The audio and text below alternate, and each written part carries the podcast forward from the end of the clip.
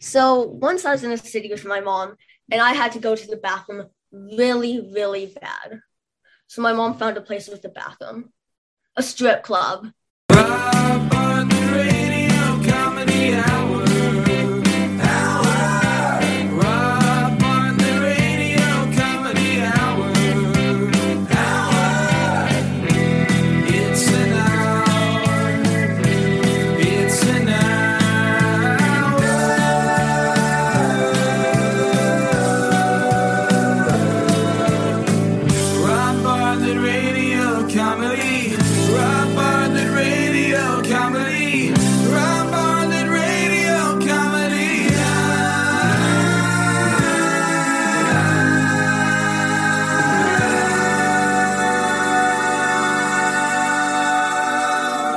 Welcome to the Worldwide Comedy Award winning Rob Bartlett Radio Comedy Hour. I am Rob Bartlett, and this is my Worldwide Comedy Award winning Radio Comedy Hour, Season 6, Episode 4 The Future of Comedy.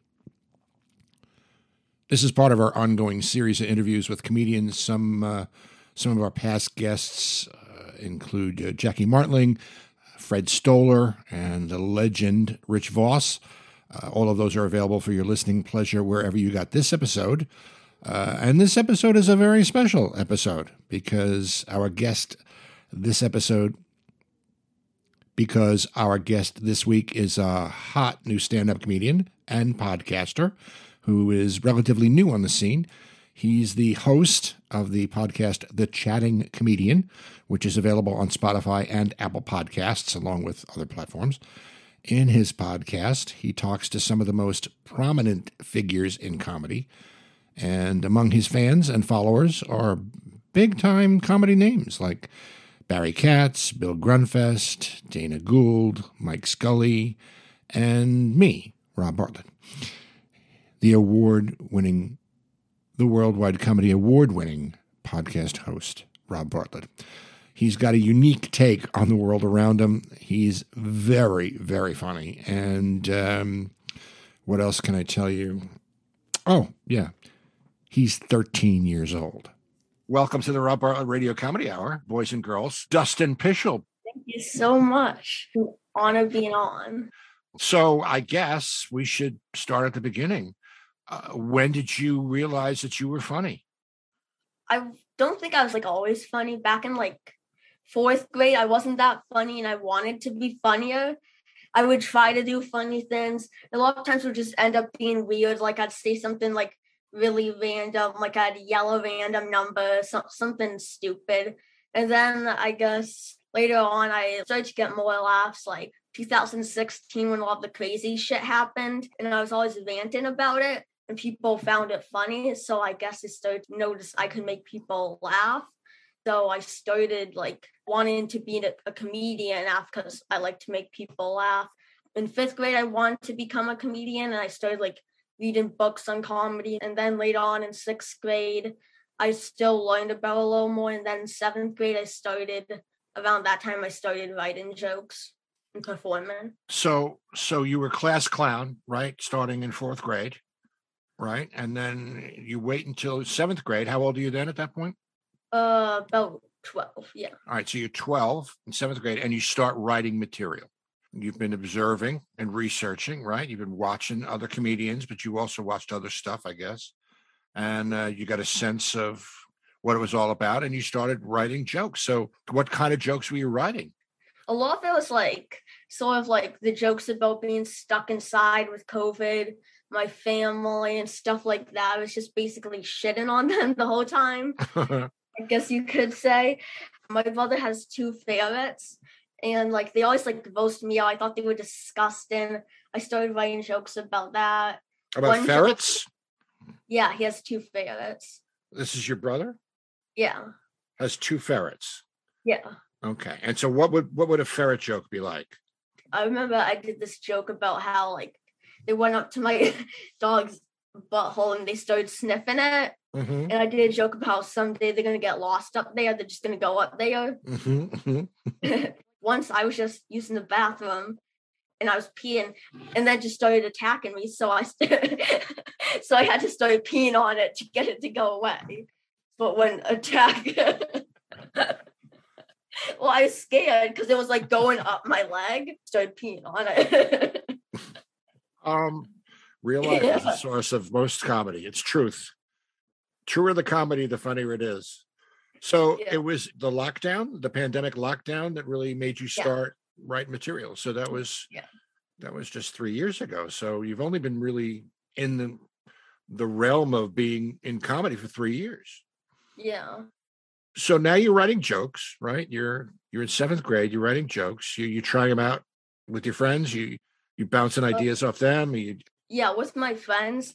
I don't do like all of my jokes, but like sometimes if I think of one, I just want to see how it sounds. But I don't try it a lot, a lot with my friends. I don't want to like my sort of like all of my comedy to also be inside of my school stuff. Mhm. So I try to sort of like I let kids like listen to my podcast and stuff, but I I don't go around just like bring a microphone or anything, just tell jokes. But sometimes they might tell a joke or something that I made up. But a lot of times I try it out on my parents, and then if it's good, I re-edit it and then I try it out in front of the mm-hmm. crowd. So how long have you been doing the podcast? I started it after I got into stand-up comedy, probably 16 months or something. All right. So, and how many episodes do you have so far? 85, I think. 85 episodes Yeah. of your podcast, and you do it every week. Yeah. Uh, See, you have a discipline. The last time I put up a new episode prior to this was like a month ago, and then I won't have anything again for like another month or two. That's just because I'm lazy and and I'm not inspired. But you're you got the discipline, and that's actually something that a lot of comedians don't have is a discipline. Do you have discipline in terms of writing material? Do you try to write material every day? Do you set aside time, specific time that you sit down and write stuff? Or do you just kind of jot down notes as things happen to you during the Uh, week? sometimes I jot down notes, but most of it is I write jokes. I haven't been writing lately as much in the past few weeks because I've been sick, and I do try to write once a day, maybe for like 30, 20 minutes. But on the weekends, I write, I think, a lot of times longer. In the summer, I do as well. And do you have a goal? Do you like, you know, you're going to write until you have three new jokes or four new jokes or I try to write 200 pages a year or something. That's Yeah. pretty good. That's a that's a lot of material. Jerry mm-hmm. Seinfeld is famous for setting aside at least an hour, maybe two hours every day. When we were working with him, the comic strip, you know, during the day we were going to like Monkey Jungle and water slides and the mall and the movies, and Jerry was back at the condo every day writing material. So, I mean, that kind of discipline is definitely something that's going to help you. So, you're a seventh grader. You have this material did you want to start performing in front of a real audience at that point? Were you Oh. writing in terms of wanting to be a stand-up, an actual stand-up comedian? Mhm, Yeah. Okay, so your your goal was to do stand-up in front of an audience. When was your first show? Where was it?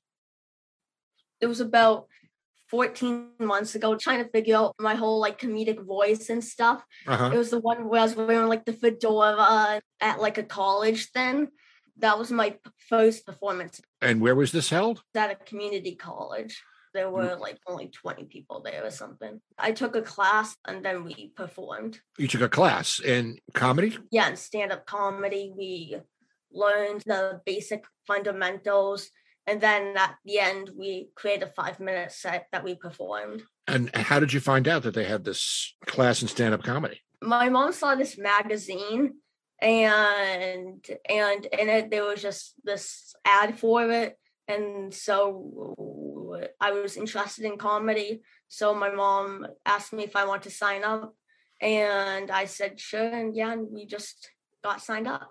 And at the end, you, you had a five-minute set, mm-hmm, yeah. And you performed it live in front of the rest of the class. How did it go? yeah it went really good. I got a lot of laughs which was especially good since it was my first performance. I i loved it. I've never felt anything else like that in my life i've done the school plays and stuff before but like the energy rushing into your body it was just so it was great that's what keeps a lot of comics going because as you know i'm sure you've learned and you've seen and from interviewing as many comedians as you have that it's mm-hmm. not an easy business there's a lot of rejection in this business and so you really, really, really have to want to do it and have the passion for it in order to keep going. All right. So you got this one show under your belt, right? You got this class in, in comedy. What happens next?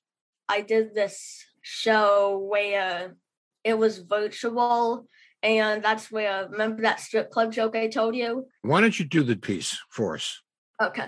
So once I was in the city with my mom, and I had to go to the bathroom really, really bad.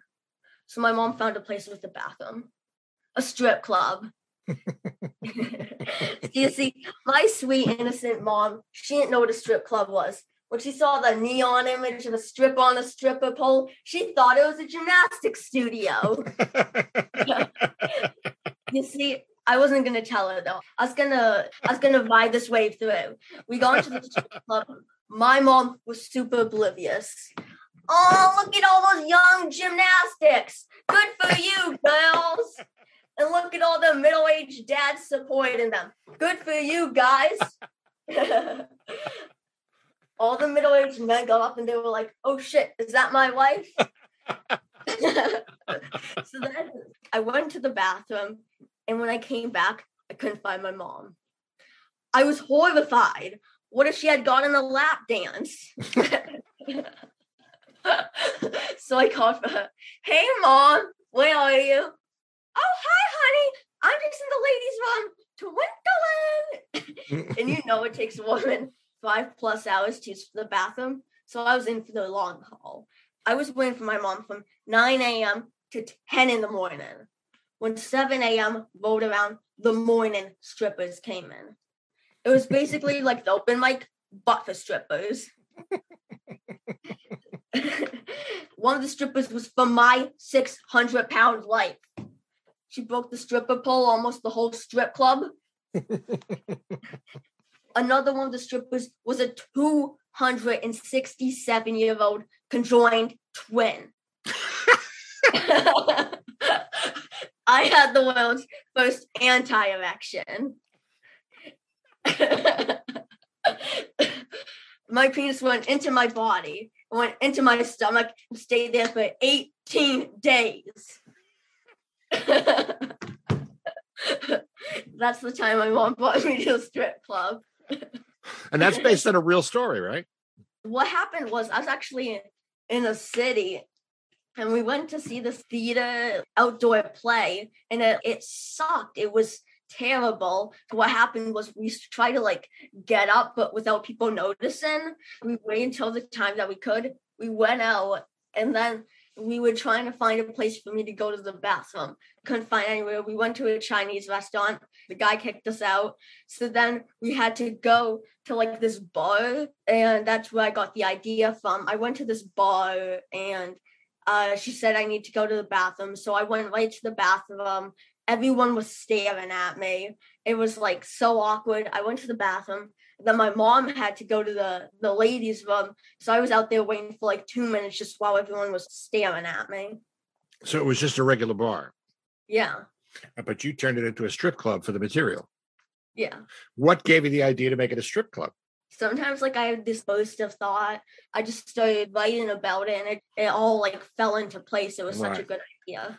So these shows that you're doing, right, after your first time at the college, where are they and what are they? And how do you get to do these? a lot of them are online. I've only done two in person shows, but I have told my jokes to comedians, but I performed once like 20 people, then another time I found 30 people. A lot of times it's just online. I do comedy therapy. I do a lot of shows for them. They associated with a, a real club? They sort of go to different comedy clubs, the Broadway Comedy Club, they go to the Gotham Comedy Club and etc. And they bring their lineup there and they perform. I got invited to one from the owner of Laugh Boston for a free show. So I did that once and I went to see Mike Normand. I might perform there. He owns a few comedy clubs if some of those will let me perform. So how much material do you have? Like how much time do you think you could do in a set? I don't know. I haven't like always measured it up. I have like this list 20 jokes, probably around like one minute to 90 seconds. of these jokes. So I probably have 20 minutes of material, good material, but I haven't tried to do them all in one set yet because I Mhm. haven't been able to do past 10 minutes yet. Okay. So you but you, you have a solid 10 minutes, Yeah. Which is all you really need to do Tonight Show or or Jimmy Kimmel or one of those kinds of things. Do you think that there's a chance that if you had a tape of yourself doing some of this stuff that you might get one of these talk show hosts interested enough to put you on?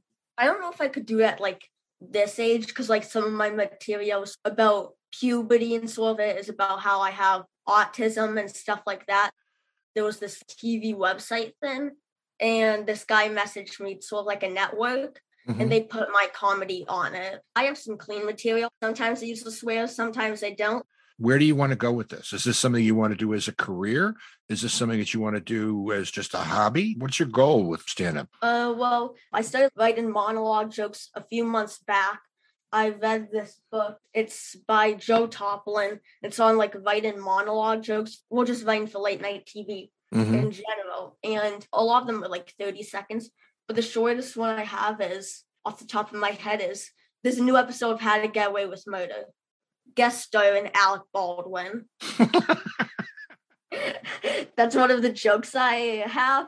So like I have a lot of jokes like that, and I've only started writing them about two months ago. So I think once a day I write a stand-up joke and then I write a monologue joke. I started taking writing for TV courses at Second City, and I'm developing sort of like a pilot. I'm Mhm. working on one. If someone played by Steve Carell, if they were to go back to kindergarten, like a Mhm. 40 year old guy, they go back to kindergarten and because he got kicked out and he goes back to first grade because he wants to be a mall cop. In order to um become a mall cop in the show, you have to pass pass first grade and he has to go back. He never completed it because 34 years ago he gets kicked out for for eating the goldfish, thinking it's a goldfish snack. So then what happens is he has to go back, try to like survive. He has a brain like how I have autism. It's sort of based part of it off how I have autism and sometimes I do childish things because of that. So have you started writing that yet? Mm, Yeah. So you would like to be a writer rather than a performer? I don't think I can make a living off of stand up or anything like that. What I want to do is I want to start writing and producing and one of those guys who does both. They do stand up and then they do writing and producing for TV, You're going to go to college? Yeah. What are you going to take in college, do you think? writing for television. Nice. If that doesn't work, I want to take maybe some business courses. That doesn't work out. I hear cameramen for the union, they get paid six figures. I could also do that. So you you have a plan B. Yeah. Everyone had an inspiration, a comedian or a couple comedians who inspired them to be a stand up. Who was the one or ones that inspired you to do it? Originally, it was Kevin Hart, and then my taste sort of grew and I started to like other comedians. I'm a big fan of Dave Chappelle, a lot of his stuff. It goes against like what you're allowed to say in political correctness. It's just straight up hilarious. It has a grain of philosophy in it. Big fan of George Carlin. He's also a big inspiration to me. Larry David. Larry David doesn't really perform, but his show a really hmm. big inspiration. He's done stand up and he's a comedic actor. Does acting appeal to you? I know you said before that you had done some theater stuff in school. I might, but my two primary things are writing and doing stand up comedy. You say have autism. Does that help or hinder you when you're doing comedy?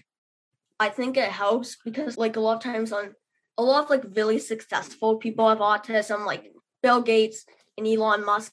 A lot of times, people who have autism succeed in their field because they focus and work so hard on it. It's something to do with their brain, like how we function, how hard we work. People that are high on the autism spectrum, they become really successful in life.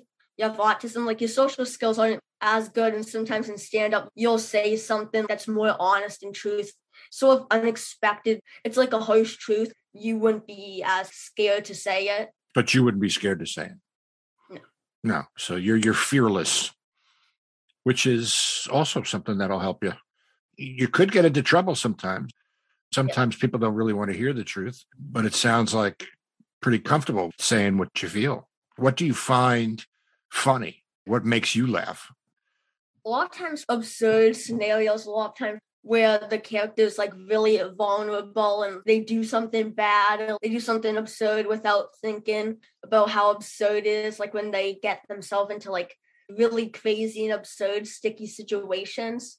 Give me an example. Sort of like a lot of times with like Larry David, when he does something, he messes up, he says something, he doesn't mean it. The time he accidentally did sign language and he accidentally said "cock cocksucker in it misinterpretations and situations that you don't mean to get yourself in, that can be really funny. Cringe comedy. Yeah. Who would you say your favorite comedian is? Hmm, that's a hard one. Either Dave Chappelle or Bill Burr. Bill Burr. That's interesting.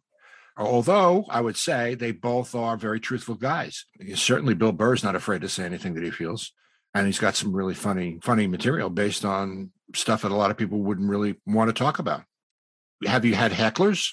Yeah, not really during the show. Like I remember once after I was done performing, this was through Zoom, and another comedian once they got on stage. The other people thought that he was joking, but I could tell he wasn't. He said stupid autistic kid about me. Now, if he had said that in the audience, what would your comeback have been? I really don't know. I, I would definitely be taken back. Well, it's a pretty nasty thing to say, but obviously he was threatened by you. You were probably funnier than he was. Maybe he, he Yeah, knew I that. See, there you go. That's right there. Your security. Yeah, I was. Yeah, I was funnier than him. Yeah, absolutely. And I'm not taking it the wrong way that, you know, my name didn't come up when you had to choose your favorite comedian. I'm not taking it personally at all whatsoever. The fact that you didn't really mention my name, and it's it's not a big deal. Dustin, hon- honestly, really, it's not going to change the way I feel about you. And um, I'm still going to be a big fan, even though you really have no use for me whatsoever when it comes to comedy. Do you like doing spontaneous stuff? Do you do any crowd work? I have done a little bit of crowd work when I've done it in person. Mm-hmm. Honestly, since I haven't performed in post in a while, a lot of it's virtual and stuff. I sort of like I forgot about crowd work until you just brought it up. But I remember I used to be so obsessed with it. You do crowd work? Mm, Yeah, I mean, it started when I was on the road. You want to try and get to know the audience and wherever you are, down south or whatever.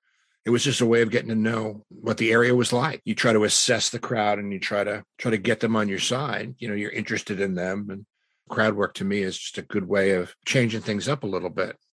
You get a little bored with your material, at least that makes each show a little different, unique. And then when people come back to see you, if you do crowd work at every show, then at least they're seeing something mm-hmm. spontaneous, not just the same eight pieces of material that you've been doing since you started, which is basically what I still do. I'm not as driven as you. I'm too lazy to write new material. What what is it like working on Zoom? I mean, that's got to be a challenge. How difficult is it to do an online show? I mean, it's like I've only performed twice in person, so they were much better in person. A lot of times it can be hard because sometimes people have their like microphones muted and and sometimes like they're watching through like a live stream or something. Hmm. So you can't hear like the audience's laughs. You can only hear like the other performers and a lot of times the other performers they're more focused on their own material than they are yours it is hard a lot of times the people that are listening they're laughing a lot though Well, the timing is also different too, because uh, there's always a lag, right, on online stuff. So it's got to be difficult to do a piece waiting for them to actually hear it before they laugh. It's like one time I did a show uh, where half the audience was deaf and they had sign language interpreter. And so I would tell a joke and the hearing part of the audience would laugh. And then a couple of seconds later, the deaf part of the audience would laugh because it would take the interpreter that long to translate my material. And, and then this is the ultimate at the very end of the show, the deaf people were lined up to get the interpreter's autograph. They thought he was the comedian and I was I was translating for the hearing part of the audience. Have you had a particularly tough crowd, hard to make laugh? Yeah I, I have had some tough crowds How do you handle them? You know, you just try to get through your performance and you try to do it fast enough to get through it soon, but also good so you can do timing and you don't rush over your words. What's the best show you ever did? We did the fundraiser for Bob Nelson, All right. and that was probably one of the best shows I performed in front of you guys, especially since you were all comedians and you were all like laughing your asses off. So that was pretty good. Well, uh, you know, comedians don't give it up easy. I think everyone was just impressed that you were actually funny. And I think one of the things about you that is the most interesting, and one of the things to your credit, is the fact that you don't use your age or, for that matter, your autism as a hook or as an excuse. It's not, wow, he's funny for a kid or he's funny for somebody who's got autism. He's funny. You're just funny. You have a Thanks. you have a great sense of humor and it's something that the more you do it and once you start getting more and more in-person shows you're really going to be able to develop your your timing and all that stuff and you, you'll find the material that works best the material that doesn't work as good you'll try to fix that or start editing changing the order of stuff you'll build a set you'll build your six minutes for a talk show and then you'll build your eight or 10 minutes for a comedy club, and you build your 20 minutes to be an opener and your half hour, 35 minutes to be a, a feature. And then eventually you'll have an hour or so and you'll be headlining. Do you have any particular techniques that you use to help get the audience on your side? Before the show, I try to make sure like I have like enough energy. Sometimes I'll like get like a Mountain Dew or like a Sprite and I'll like drink a lot of it so I have enough energy to do it, but not too much so that I'm like batshit crazy. But Yeah, I don't want to end up like my dad. I like to be animated. Like when I told that joke, even though the audience can't hear me, you could still see I was doing some physical stuff as Yeah. well. when you were doing the the strip club story, you actually got up out of your chair and you started performing. See, that's the difference between just being on stage and performing. Those are two separate things. You seem to know it's instinct. You know, I don't believe that the, the comedy class you took was what made you funny. That's something that's inside you. And I think that that's what you rely on, which is what you should. You should rely on yourself. So besides drinking a Mountain Dew, what do you do to keep sharp, you know, Uh. in, in terms of material and performance and stuff like that? I try to like write often, like so you can come up with better jokes. I remember the first time I met Barry Katz, he's like, You're gonna be something big. He saw so much potential in me and he's like, You're hilarious. You keep doing what you're doing. You keep writing jokes as much as you are. You write a bunch of jokes. You get a habit to get on stage uh, as much as you can. You write and write and write. You'll become the best. That's what I noticed with all some of the best comedians. Everything takes time and time. Like you can't just get abs in a day. Uh, so yeah, so you have to keep on writing daily, and I try to perform often. I edit my jokes. When I go on stage, I might add a sentence or two, or if I know something isn't working, if there's flubber in it that's unnecessary, I I cut it out, and you can make a joke that eighty percent of the punchlines work into like a hundred. Well, not a hundred, but like ninety percent. Like, I don't want to edit something out without trying it on someone first to make sure that the decision's good because you don't want to just throw it out.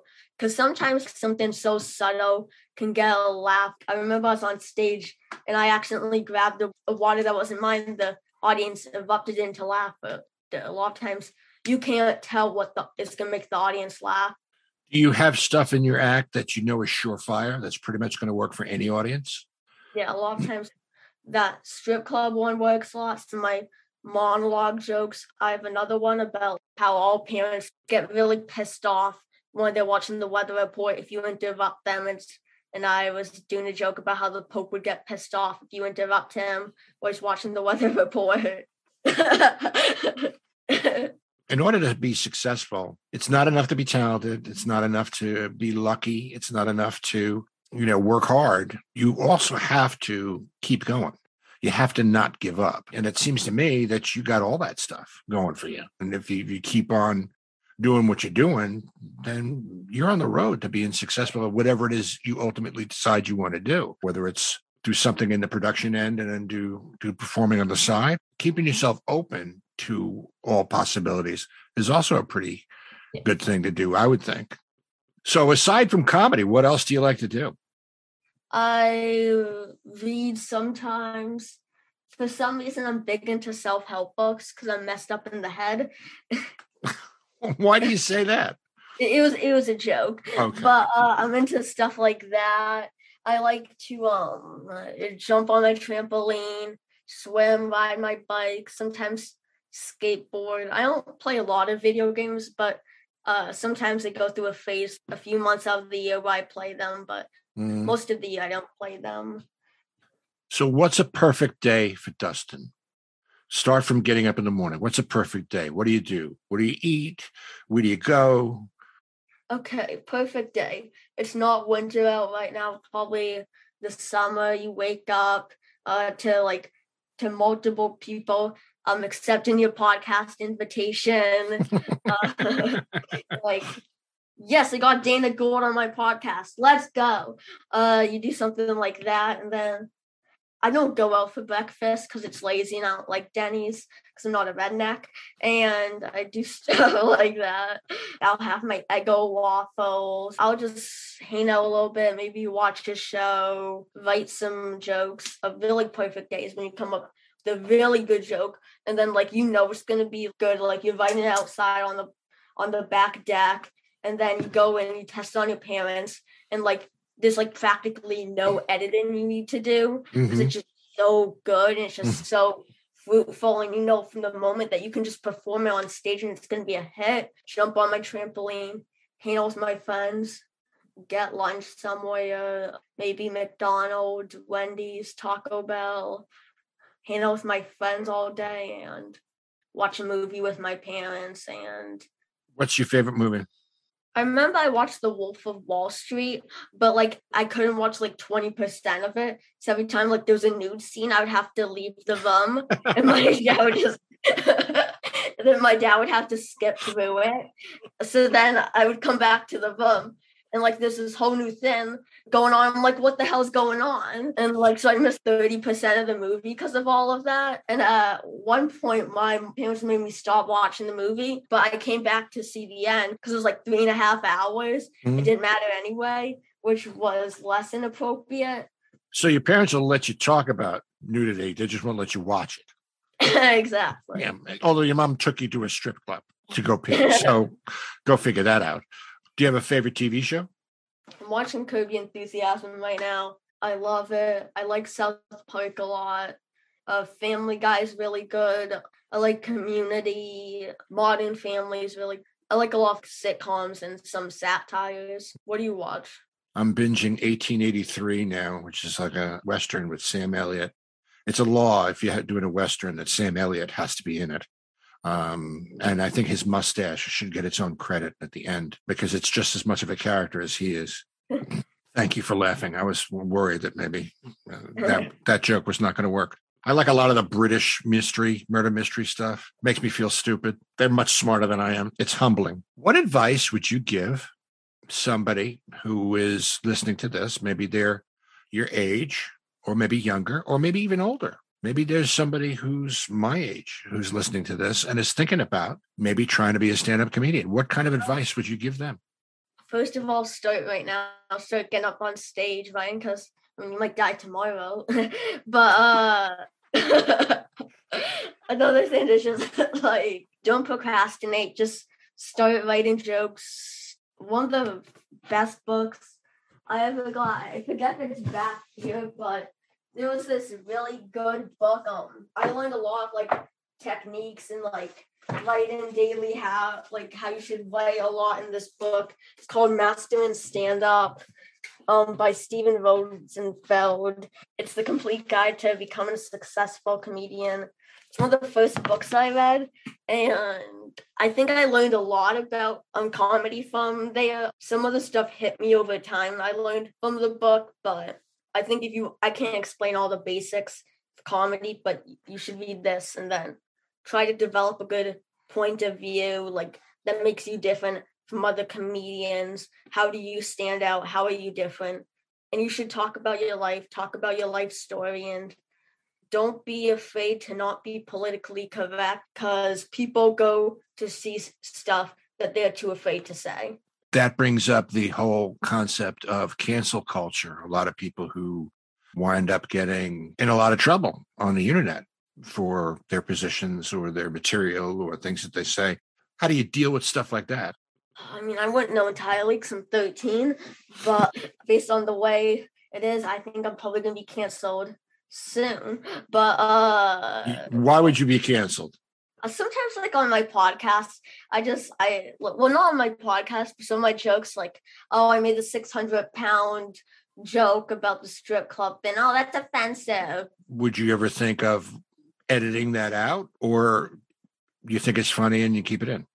I think it's funny. I keep it in. Like the vast majority of people won't care, and I'm not famous or anything. So for the meantime, I don't have to worry about being canceled or anything. It's not.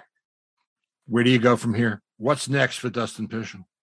I'm probably gonna try to take some more like courses on comedy, learn some more, start writing, performing.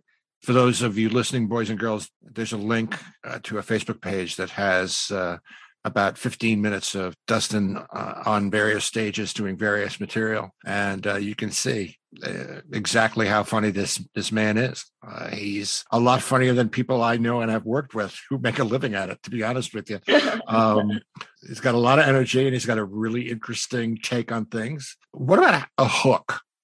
a hook. do you have a hook or or would, are you trying to get a hook or a catchphrase and how important do you think that is to a, a comedian Are you talking about my point of view? Like, well no i mean you know sometimes like don rickles had a hook you know his his whole thing was attacking people and he had a couple of phrases that he liked to use you know calling people hockey pucks um jeff foxworthy you know the, the you might be a redneck became like a Right. hook for him do you think it, it's something that you might want to develop do you think you need it I'm. I don't think like you need it in order to be successful, but it would be beneficial and it would help you be more successful. Because like I don't think a lot of successful comedians have one, but it definitely it wouldn't do you any bad if you developed one. Well, I mean, obviously the fact that you're, you know, not quite a 14 year old man, that's a hook right there. But what's interesting is, is you don't really, you don't really rely on, on your age to be funny. I mean, you tell stories from your life, but the, the whole thing about your mom taking you to a strip club to go to the bathroom, that would be funny if it was an adult. You're funny no matter what. You you find things that are funny just based on your observations of the world around you. I worked on like a few things. I was thinking about this like then with Barry Katz. Like we had this session where we would just like brainstorming ideas and like stuff like that. I'm sort of like a young comic, old soul, as he sort of describes it. Like I sort of act sometimes like an old man in ways. I'm fed up, I'm angry, I'm sort of like an old angry man who's like stubborn and trapped in this like young 13 year old's body and he just like Well, you're definitely wise beyond your years, that's for sure. thank you very much Do you find that being funny helps you with uh, with the ladies? well, yeah, but like not the ladies I want. See, they're always saying, "I just want somebody who makes me laugh. I Oh, just no, want that's somebody." bullshit. That's that's bullshit, and they are lying. They want a rich baby daddy that can that can afford them nice things. They don't give a shit if you're funny. You are definitely an old cranky man in the body of a 13 year old. I'll tell you that right now. Well, uh, thanks for for coming on the show. We'll have to have you back. I mean, appreciate the time you spent, and uh, you know, just keep plugging, man, because uh, you're a funny, you're a funny dude. You got a great perspective. You got a great point of view. Uh, you're very lucky to have supportive parents. I mean that that's half the battle right there. The fact that they're so into your your love of this and they're so supportive. I mean, I think that that's great. You know, that's that's something you can really rely on because not not everybody has that. I know comedians who are making a lot of money and whose parents still don't really have any respect for what they do for a living because they they they're not a doctor like their brother. You know, yeah, But Johnny's a doctor, but you have a TV show. Like, what's wrong with you? Dustin Pueschel, boys and girls, you should definitely check out his podcast, The Chatting Comedian. I'm going to include the link, uh, the Facebook link for you to see him in action uh, in the description to this podcast. How can people follow you? Uh, people can follow me on Instagram at Dustin underscore Pueschel. You're going to have to spell Pueschel. Oh yeah, yeah, obviously. Uh, P U E S C H E L. There's there's a lot of Dustin Pueschels out there, boys, but you want to make sure you have the real one. Thanks for being with us. Come back anytime. Thank you so very much for having me on. It was an honor and delight. This was the highlight of my weekend. Yeah. The highlight of it, you started to say life and then you said week. So Oh, I'm, I'm glad. I'm really glad because you, you changed it because if it was the highlight of your life, we would have to definitely figure out something else. for you. Dustin Pueschel, boys and girls, you are going to hear a lot more from this young man. Mark my words. He's got the bug, he's got the goods, and he's driven. It was a pleasure to have him on. I've included a link to the Facebook page that has a video of a few of his performances online and in person, so you can see for yourself a burgeoning young comedy talent. I promise you, you'll be impressed, and you will laugh. He's uh, he's a delightfully funny dude. If you enjoyed this episode, be sure to subscribe so you get every single show as soon as it drops. You won't miss a single second. While you're at it, jump on the bandwagon, be a front runner, follow the pack. Give us a good review on Apple Podcasts because they say it helps get us out in front of the public, makes us more visible to the masses, and then as such gain followers, which is key to us getting a fucking sponsor. Spread the word, encourage your friends, family, and other assorted loved ones about us here at the Comedy Hour. Our next episode will be up soon, I promise. It's almost all written, almost all the way through. It's another very special episode. I, I know I say that all the time, but you know they they all are very special. But that's what you get when you follow a worldwide comedy award-winning podcast. But this one is particularly special and close to my heart. I'll, I'll give you a hint. It's our Beatlesque episode with music and comedy and sketches about the holy quartet. it's not a trinity because there's four of them John, Paul, George, and Ringo. We love to hear from you. So if you have questions, comments, or suggestions for future episodes, drop us an email at Robbio Radio Comedy Hour at gmail.com. Robbio is spelled R O B I O. It's not Robio, it's Robbio because my name is Rob. I don't know how many times I have to explain that, but I'm more than happy to do that because I'm a giver, boys and girls. Follow us on Twitter at The Robbio, Instagram, Rob Bartlett Radio Comedy, TikTok at Robbio Bartlett. If you're an actor or comedian, or you just look like one, check out the rbstudio.com. You can get online coaching and instruction in stand up comedy technique, audition prep, acting scene study, monologues, creating characters. The rbstudio.com, all kinds of classes in live performance from everyone, from for everyone from teens to adults, uh, all done online. But we are, now that the COVID seems to be dying down a little bit, uh, we're going to be offering some live in person classes in the Big Apple. So stay tuned for information on that. If you're looking for that one of a kind gift for that special someone, don't want to blow a lot of dough on something they'll hate, uh, I'm on Cameo. Maybe that unique Valentine's Day gift. Give them a personalized message from me and or one of my myriad characters, including Feats Dupree, the great unknown bluesman. Uh, he will write and perform an original, custom-made, one-of-a-kind blues song just for the occasion, based on the info you provide. Very special personalized gift. And for all you theater lovers who are missing the Great White Way, I am also on BroadwayPlus.com, where I do live meet and greets, video shout outs. I can speak to you, your friend, your mom, your dad, your sister, your church group. BroadwayPlus.com. Our program produced by Gary Grant and me, Rob Bartlett. Written by me, Rob Bartlett, with additional material every once in a while from the great Andrew Smith. All characters actorized by me, Rob Bartlett. Program was edited by me, Rob Bartlett. The Rob Bartlett Radio Comedy Hour theme music and lyrics by Gary Grant, performed by Steve Mecca. All stunts done by me, Rob Bartlett. Mr. Bartlett's wardrobe provided by Botany 500. No animals were harmed in the production of this podcast. Special thanks to Dustin Pueschel for the interview and his mom and dad for their lack of parental skills by allowing him to be associated with this shady endeavor. We'll see you again next time in the Worldwide Comedy Award winning Rob Bartlett Radio Comedy Hour, boys and girls. And until then, be cool, do good. That's bullshit. They don't give a shit if you're funny.